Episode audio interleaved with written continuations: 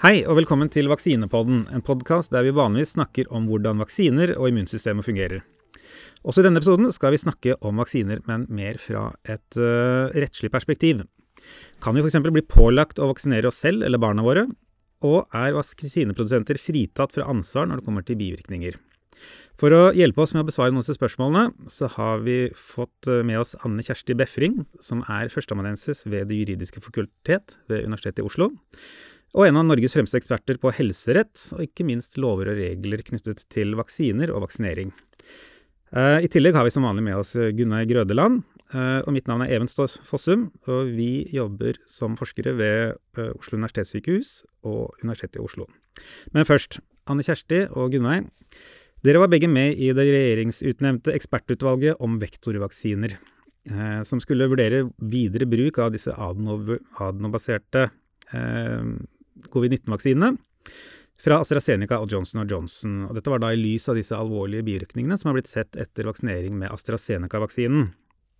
Gunnar, for de som eventuelt ikke har helt fått det med seg, kan du kjapt oppsummere hva dette ekspertpanelet kom frem til?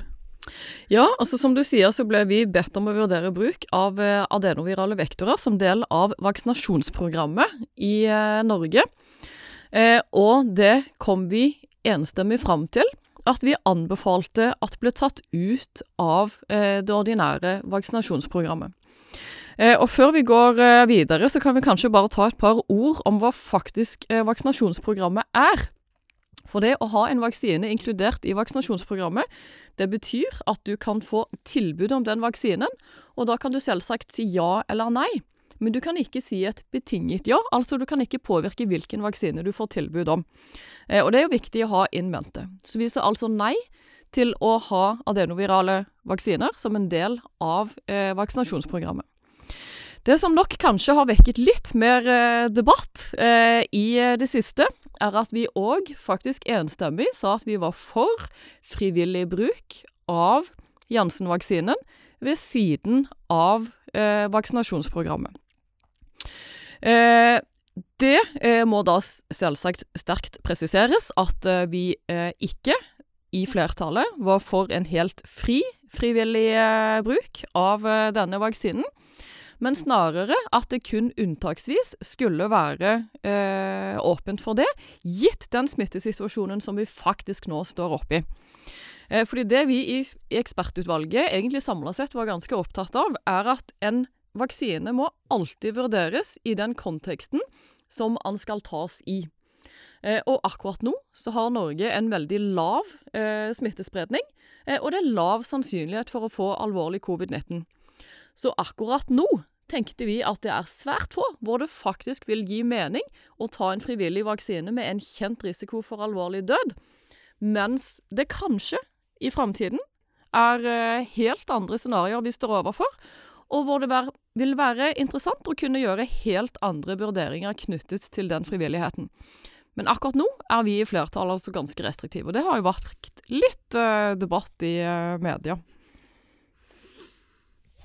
Ja, for dere har egentlig kommet til en litt annen konklusjon der enn altså Bare det sånn restriktiv bruk i seg selv er jo også litt annerledes enn det Folkehelseinstituttet hadde snakket om, om tidligere. Eh, nei, vært, eh, fordi Folkehelseinstituttet eh, de har vurdert om vaksinen skulle være en del av vaksinasjonsprogrammet eh, eller ikke. Og det er vel det de faktisk har vurdert eh, inngående. Eh, og så har da nylig regjeringen kommet til at de vil se på enkeltindividets autonomi og tillate eh, ganske fri bruk av denne vaksinen. Altså de følger mindretallet i det ekspertutvalget som vi var eh, medlemmer av. Hmm. Da må jeg nesten spørre deg, Anne Kjersti. Sånn, er det, hvordan er det med det når folk skal gjøre sine egne risikovurderinger her? Er det, er det ikke greit måte at folk eh, vurderer, vurderer altså risiko selv? Ja, altså det er jo veldig stor forskjell på risikovurderinger og frivillighet eh, i vår fritid eh, og når det gjelder vår bevegelsesfrihet, og det som dreier seg om tilbud om en medisinsk metode. Jeg har bare lyst til å supplere eh, litt når det gjelder flertall og mindretall her, fordi vi i flertallet var jo opptatt av at, at man må lage kriterier dersom man skal tilby Jansen utenfor. Eh, og Derfor er det bra at Helsedirektoratet nå har fått ansvaret for å lage disse retningslinjene. Eh, og det skyldes jo at eh, vi opparbeider kunnskap for hver dag. Norge og Danmark har jo vært foregangsland i denne sammenhengen, fordi man har klart å følge opp, registrere bivirkninger og ta konsekvensene av bivirkninger. fordi dette dreier seg jo ikke om en godkjent vaksine. Dette dreier seg om vaksiner som er utviklet i, i, eh, i, løpet av veldig kort tid, og som har fått en betinget godkjenning fordi vi er i en pandemi. Eh, og det som ligger i det at denne vaksinen er betinget, det er at eh, da har legemiddelprodusenten og statene hvor den brukes, et særskilt ansvar for å følge opp. Og da sier det seg selv at man kan ikke overlate dette helt til den enkelte. Eh, man er nødt til å foreta risikovurderinger eh, på bakgrunn av den kunnskapen vi har. Eh, og så har jo da flertallet sagt at risikoen for covid-19 er veldig høy i noen land, og derfor kan det forsvares at man tar en risiko med kjente bivirkninger. I Norge er risikoen ved covid-19 for unge voksne veldig lav, og da eh, har man mindre toleranse for at unge voksne vil dø av en vaksine. Og så sier vi også at, eh, og det står i rapporten, at det den enkelte gjør, vil ha betydning for flertallet. Dette har vi også fått mye trening i de siste årene under pandemien. Eh, at det er ikke bare den enkeltes valg her og den enkeltes autonomi. Altså smittespredning skyldes jo den enkeltes valg, men har stor betydning for alle. Det gjelder også vaksiner. Ehm, dersom vi får altså de tallene som har vært oppe i utvalget, la oss si at seks 30-åringer eh, eh, dør av Jansen fordi 100 000 tar den, da vil det kunne ha betydning for oss alle ved at folk blir skeptiske mot alle vaksinene.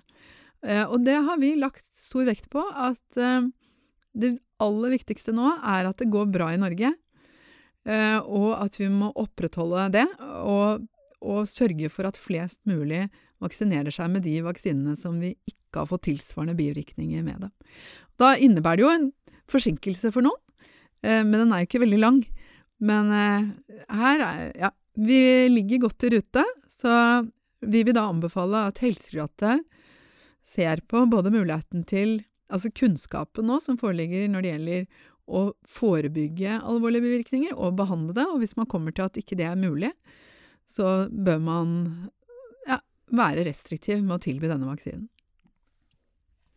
Eh, ja, jeg vil gjerne ta og legge bitte litt til på det internasjonale perspektivet her. Fordi det er jo noen som har sagt at når vi velger en veldig restriktiv bruk, både for frivilligheten og det å faktisk ta den helt ut av vaksinasjonsprogrammet, så har dette negative konsekvenser for andre land, hvor de kanskje kunne ha trengt vaksinen og hvor da befolkningen ikke ønsker å ta den, pga. at Norge ikke vil utsette sine egne innbyggere for den risikoen. Eh, men det er igjen sånn at vi må presisere at det er den situasjonen vaksinen skal benyttes i, som må danne grunnlaget for vurderingen av den risikovurderingen eh, som må gjøres. Sånn at vi kan ikke ta inn vaksine i Norge hvor risikobildet er helt annerledes enn f.eks. i India eller Pakistan eller Uganda, for å være hyggelig med de, og på en måte forklare hvorfor de må ta vaksine. Det gir ingen mening. I Norge må vi heller være åpne om de risikovurderingene vi gjør. Si at vi handler på bakgrunn av den situasjonen som er hos oss nå. Det kan endre seg. Vi vil kunne ta andre beslutninger framover. Og så er det sånn at folk i resten av verden, de er ikke dumme de skjønner jo at det er en forskjell på å bo i Norge med den risikosituasjonen vi har, kontra å bo f.eks. i India akkurat nå. Hadde jeg vært i India, så hadde jo vi sannsynligvis endt på en litt annen konklusjon i utvalget når det gjaldt hvilken risiko som var uh, akseptabel. Men vi bor altså i Norge. Ja, det, og det er en veldig viktig presisering at det er liksom en dynamisk risikovurdering. Og det ligger også innenfor det etiske og det rettslige. Eh, vi var så heldige i utvalget at vi fikk råd fra en fransk ekspert, blant annet, som eh, jobber innenfor WHO. Eh, for vi var litt opptatt av akkurat det Gunnveig tar opp der. Hvilke signal gir vi nå til land som er helt avhengig av vaksinen? Og hun var veldig tydelig på at det har ikke betydning, fordi det er så viktig for folk å få også disse mer risikable vaksinene. Eh, og så har vi jo forholdt oss til den siste litteraturen vi har når det gjelder vaksiner og vaksineskepsis, som er et av de største globale helseutfordringene. Og, og det at eh, åpenhet om bivirkninger og det å følge opp bivirkninger, at det er grunnlaget for tillit til vaksiner. Så mye av vaksineskepsisen eh, blir forklart med forsøk på hemmelighold. Mm. Så vi eh, i flertallet har jo lagt oss på samme linje som regjeringen og Folkehelsenyttet og Helsedirektoratet siste året, at man må eh, holde fast ved åpenhet og tenke at det i seg selv er et positivt signal til andre land. Nå er uh, disse risikoene som er knyttet til vaksinene, er i hvert fall her i Norge i stor grad knyttet til den AstraZeneca-vaksinen. Det er stort sett den vi har brukt her, og det er den vi har fått uh, disse alvorlige sykdomstilfellene fra. Uh, nå er det snakk om å bruke denne Johnson Johnson-vaksinen, som er basert på samme teknologien, men dog en annen vaksine. hva vet vi egentlig om risikoen knyttet til Johnson Johnson her, sammenlignet med er det uh, når det gjelder risikoen for å få alvorlige bivirkninger etter både AstraZeneca og Johnson Johnson, så er det egentlig mer vi ikke vet, enn vi faktisk vet. Hvis vi begynner med AstraZeneca, så vet vi at i Norge så har vi hatt åtte tilfeller av hvitt, denne alvorlige bivirkningen, hvorav fire døde. Det vil si at i Norge så har vi hatt ca. 1 000-17 000 tilfeller av denne alvorlige bivirkningen. I tall som er slått sammen for eh, Norge og Danmark, så endte de opp med 1 000-40 000, sånn cirka.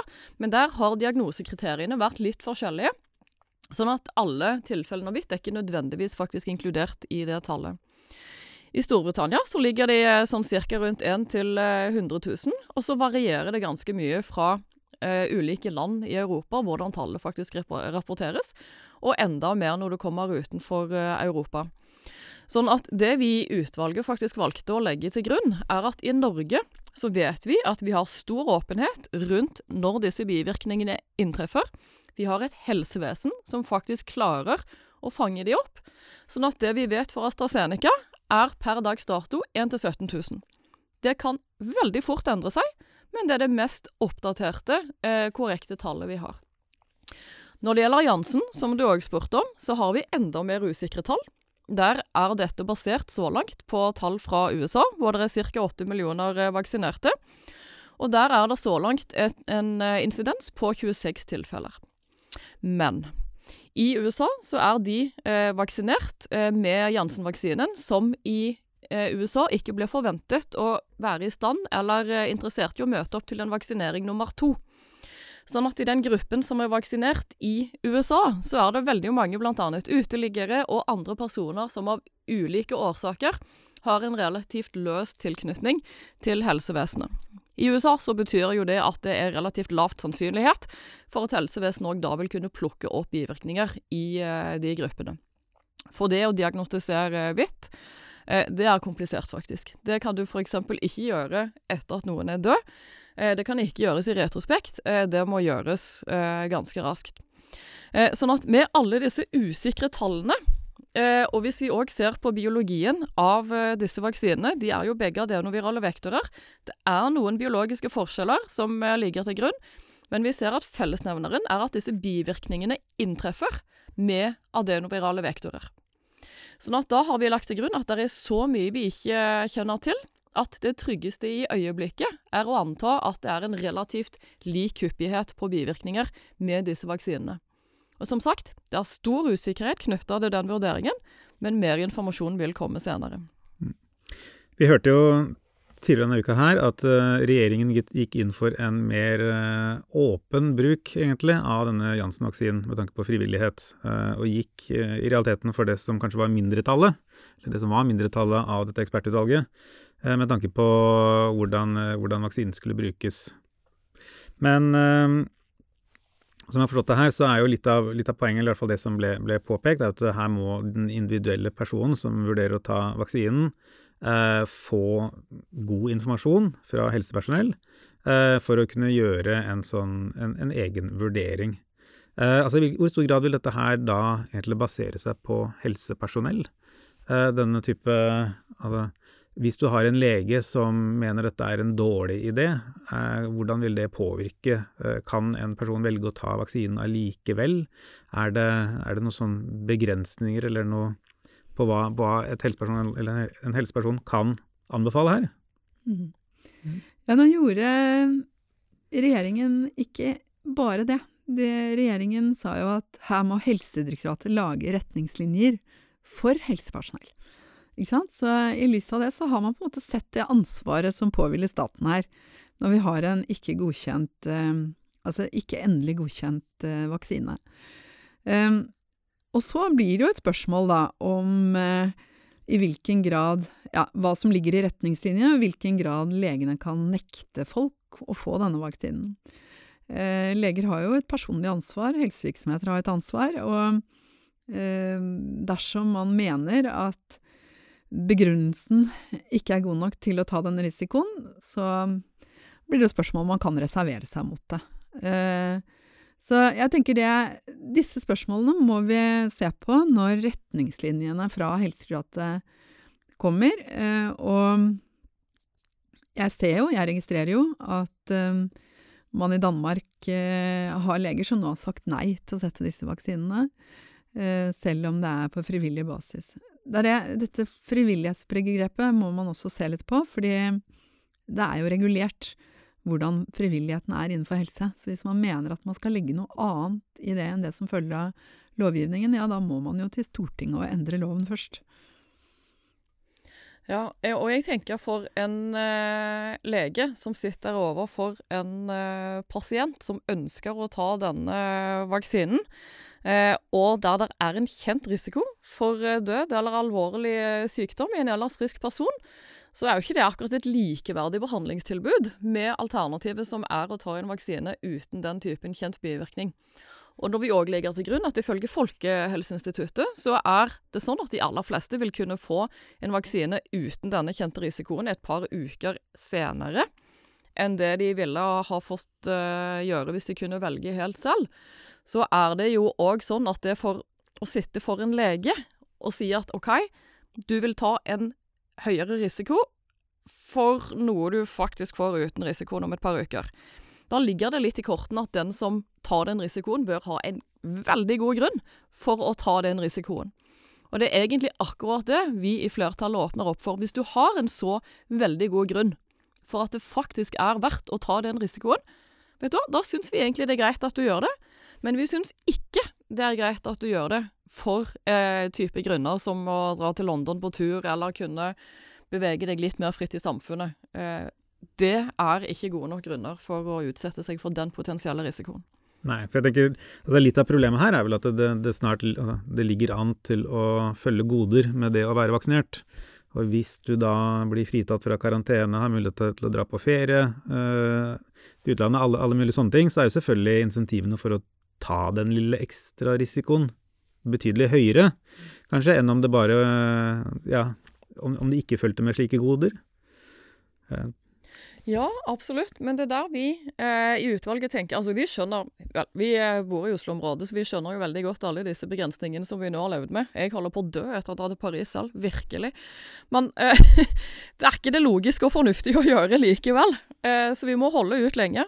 Det vi egentlig frykter, eh, er at hvis da folk velger eh, å vaksinere seg, som ellers er eh, friske, yngre mennesker, for det er de vi skal i gang med å vaksinere nå, hva skjer hvis den personen tar den risiko, og så faktisk blir alvorlig syk eller dør? Eh, OK, det var et fritt valg. Det var lav sannsynlighet, 1 til 17 000, for at det individet skulle gjøre det. Det er kanskje en risiko det er verdt å ta. Men hva med familien? Vil de akseptere at vedkommende tok den risikoen helt selvstendig, og at regjeringen faktisk åpnet opp for at det var en akseptabel risiko. Det hadde ikke jeg akseptert hvis det var mine barn som uh, havnet i den situasjonen der. Og det er der jeg frykter at vi kan miste tillit til helsemyndighetene sine vurderinger når det gjelder risiko, hvilken risiko som er akseptabel, og at dette kan få konsekvenser på lang sikt for vaksinasjonsprogrammet som helhet.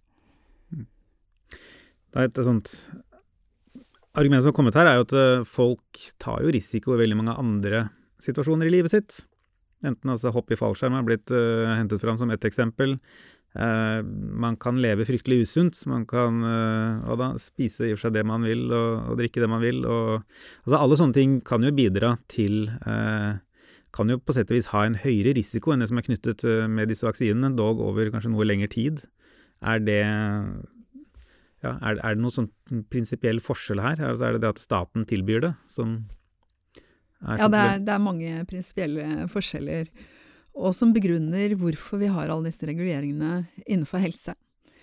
Eh, det er jo mange som vil ønske andre legemidler enn det de får forskrevet, f.eks. For Kanskje litt mer valium eller andre B-preparater.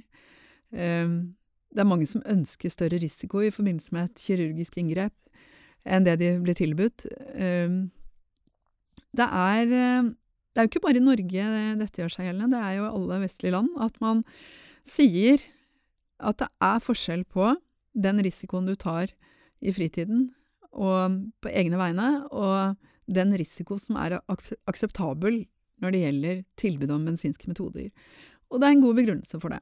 Eh, en veldig god begrunnelse er tilliten til helsetjenesten som sådan. Og når vi kommer til vaksinespørsmål, så er, vet vi at grunnlaget for tilliten til vaksiner er at det er lav risiko. Det er i utgangspunktet friske mennesker som får vaksiner, eh, og de skal være trygge. Fordi det har betydning for oss alle. Derfor eh, har man regulert strenge krav i alle land når det gjelder godkjenning av vaksiner. Disse kravene er jo ikke oppfylt helt når du får en betinget godkjenning, men det som ligger, og det er det jeg tenker mange ikke har fått med seg, at det som ligger i den betingede godkjenningen, det er noe av det som ligger i flertallets anbefaling. Nemlig at man må vurdere kost-nytte i et større perspektiv enn bare se på den enkeltes valg. Det ligger egentlig i Det er jo enigheten i utvalget at eh, dersom risikoen ved covid-19 er veldig lav, eh, så må risikoen ved vaksinen også være lav når du setter det på unge, friske voksne. Fordi de fleste i de eldre aldersgrupper har nå fått tilbud om vaksine gjennom programmet. Og da eh, å innføre et nytt prinsipp om at staten ikke skal ha noe ansvar, eller helsevirksomhetene eller helsepersonell, det krever at Stortinget kommer inn. Da må Stortinget vedta en egen lov for Janssen-vaksinen og si at i denne sammenhengen så skal individet selv ha fullt ansvar. Jeg er litt i tvil om det står seg i forhold til eh, risikovurderingene som også ligger i menneskerettigheter. Antagelig gjør det det ikke. Så det er et eh, innarbeidet system over ja, i hvert fall 100 år, og kanskje lenger, når det gjelder eh, medisiner og medisinske metoder, som tilsier at det er forskjell på den risikoen vi har i helsetjenesten, og den risikoen man selv velger å ta utenfor. Det, men jeg forstår jo, bare for å si det, altså under en pandemi så er de fleste villige til å ta litt høyere risiko. Eh, og det er jo også bakgrunnen til for at vi har disse legemidlene, tilbud om disse legemidlene som ikke har fått en endelig godkjenning. Så det ligger jo der. Eh, men når det er betinget, så må altså både legemiddelprodusenten og statene vurdere eh, risikoen med det. Og i Norge og Danmark har vi hatt et veldig bra system for å registrere bivirkninger og, og forske på bivirkninger. Og vi ligger i, i, front når det gjelder å formidle dette og dele det med andre land. Eh, og det er viktig, eh, og det må man ta hensyn til.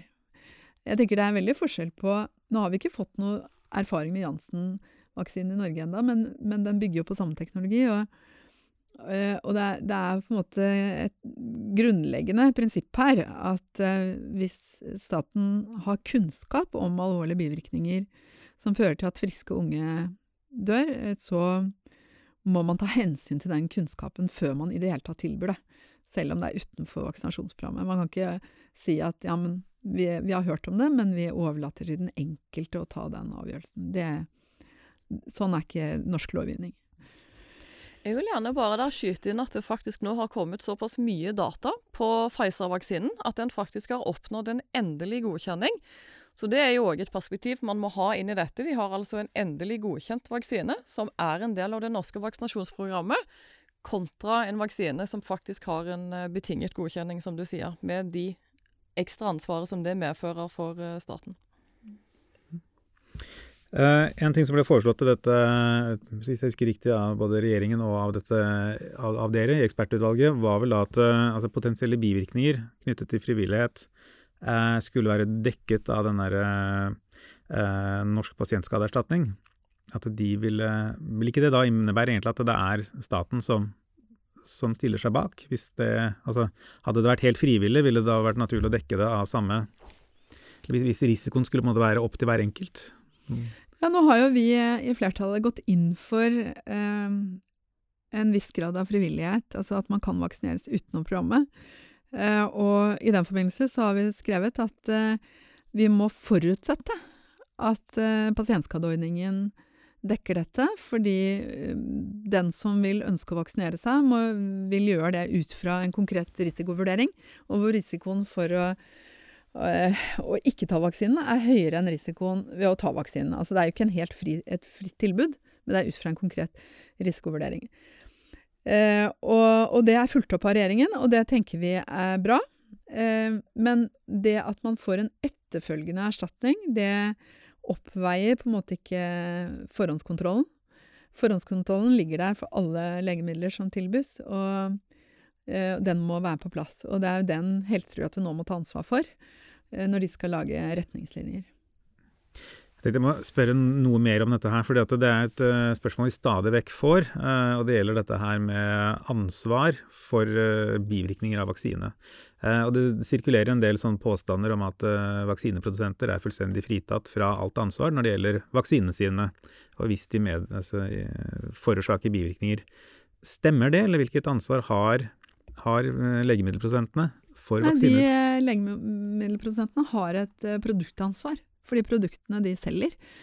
Og de har et ansvar, et større ansvar, når man får en tillatelse, en betinget tillatelse til å ta i bruk et legemiddel som ikke har fått endelig godkjenning. Så må de både følge med, registrere og eh, informere for å begrense skadevirkningene av et legemiddel. Eh, så de har et ansvar. Eh, staten har et ansvar for å følge med og innrette seg, sånn som Norge har gjort eh, eksemplarisk, vil jeg si, og Danmark.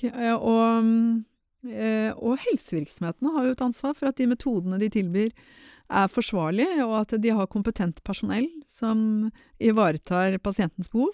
Og helsepersonell har et personlig ansvar. Så det er helt kort fortalt ansvarsnivåene. og og ansvaret, innholdet i ansvaret, øker, som jeg har vært inne på flere ganger, når, når vi tar i bruk en, en, eh, et legemiddel som ikke har fått en endelig godkjenning.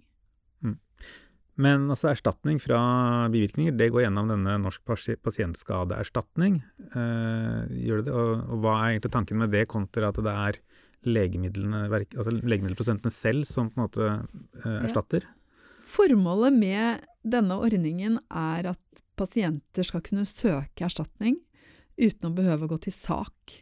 Altså en eh, sivil rettsprosess mot et legemiddelfirma. Eh, og, og, at eh, det er pasientskadeordningen som da vurderer om vilkårene for å få erstatning er oppfylt. Men eh, Norsk pasientskadeordning kan da gå videre med regresskrav overfor legemiddelprodusenter. Så de er, det stemmer ikke at de ikke har noe ansvar? Ja, de har ansvar.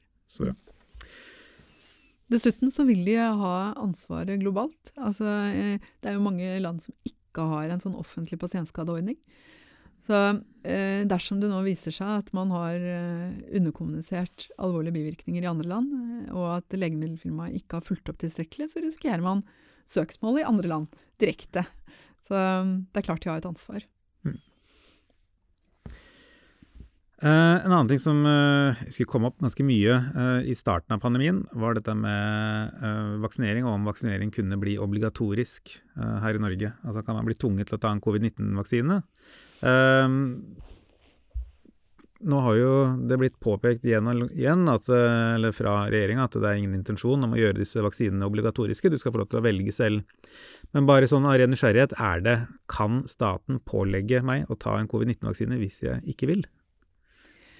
Ja, nå, eh, nå er det sånn at eh, i norsk lov og i flere lands lovgivning så er det regler om at man kan stille som vilkår for å bevege seg eller oppholde seg bestemte steder at man er eh, vaksinert. Det er en egen bestemmelse i smittevernloven, paragraf 3-8, for de som er interessert i det. Eh, og den forutsetter en forskrift. Eh, vi har nylig fått en sak fra Den europeiske menneskerettsdomstolen som gjelder eh, spørsmålet om det er brudd på menneskerettigheter at Tsjekkia har krevd at alle barn i barnehager har tatt meslingevaksinen.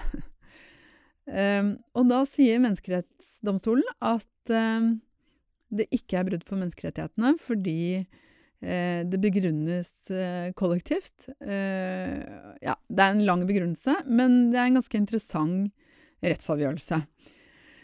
det vi har gjort i Norge, dette spørsmålet har vi diskutert i ti år i Norge.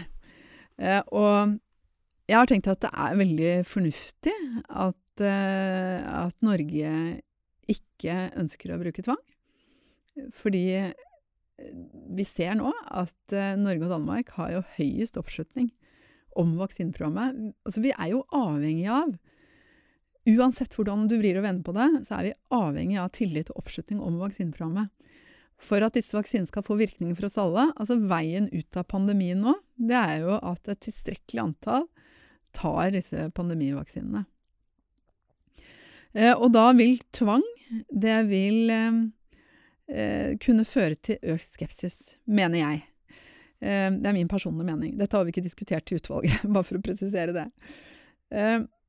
et annet perspektiv på dette, det er Kan man utelukke personer som ikke kan gi uttrykk for frivillighet? Altså, er det sånn at personer som er psykisk utviklingshemmet, eller som har kognitive svekkelser, slik at de ikke er fullt ut i stand til å ivareta sine egne interesser, og til å gi et gyldig samtykke, som vi hele tiden prater om når det gjelder alt innenfor helsetjenesten, kan de utelukkes fra vaksiner? Altså, med andre ord, er det da et krav om at du kan uttrykke frivillighet og avgi et gyldig samtykke for å få tilgang til forebyggende helsehjelp som vaksiner representerer. Eh, jeg mener svaret på det spørsmålet er veldig klart. At det kan man ikke. Og det gjelder all helsehjelp. Det er ikke sånn at eh, når du er i en øyeblikkelig hjelpssituasjon, du er bevisstløs, at man må vente til du er i stand til å samtykke før du får helsehjelp. Det prinsippet er grunnleggende. Det er et sånn omsorgshjelpeprinsipp som er også er nedfelt i menneskerettighetene, og som innebærer at man må ha en god begrunnelse for å utelukke personer fra et vaksinasjonstilbud når vaksinen er helt trygg og man får utbytte. Altså det er mer risiko ved å ikke bli vaksinert. Mm. Men bare sånn um, for barn så vil jo det kanskje være altså Hvis foreldre velger å la være å vaksinere barna sine, så gjør man jo da et valg på barna sine vegne ja. Eh, hos noen som da ikke kan uttrykke seg på egen hånd. Et valg som ikke nødvendigvis er, eller hva skal man si, ikke er det lureste, potensielt setter barnet i fare. Mm. Er det, men det er fortsatt det er, frivillig å vaksinere seg for barna. så ikke, vi, vi, kjører ikke obligatorisk vaksinering. Er, er, det noe Ja. Det er litt mer komplekst når det gjelder barn. Ikke sant? For der er du øh, Før du er 16 år og 18 år i noen tilfeller, så er det foreldre som skal ivareta barnets interesser. Eh, og ja. Og, og, skal, og, man er jo avhengig av at foreldre bringer barnet med til helsestasjonen for å få vaksiner.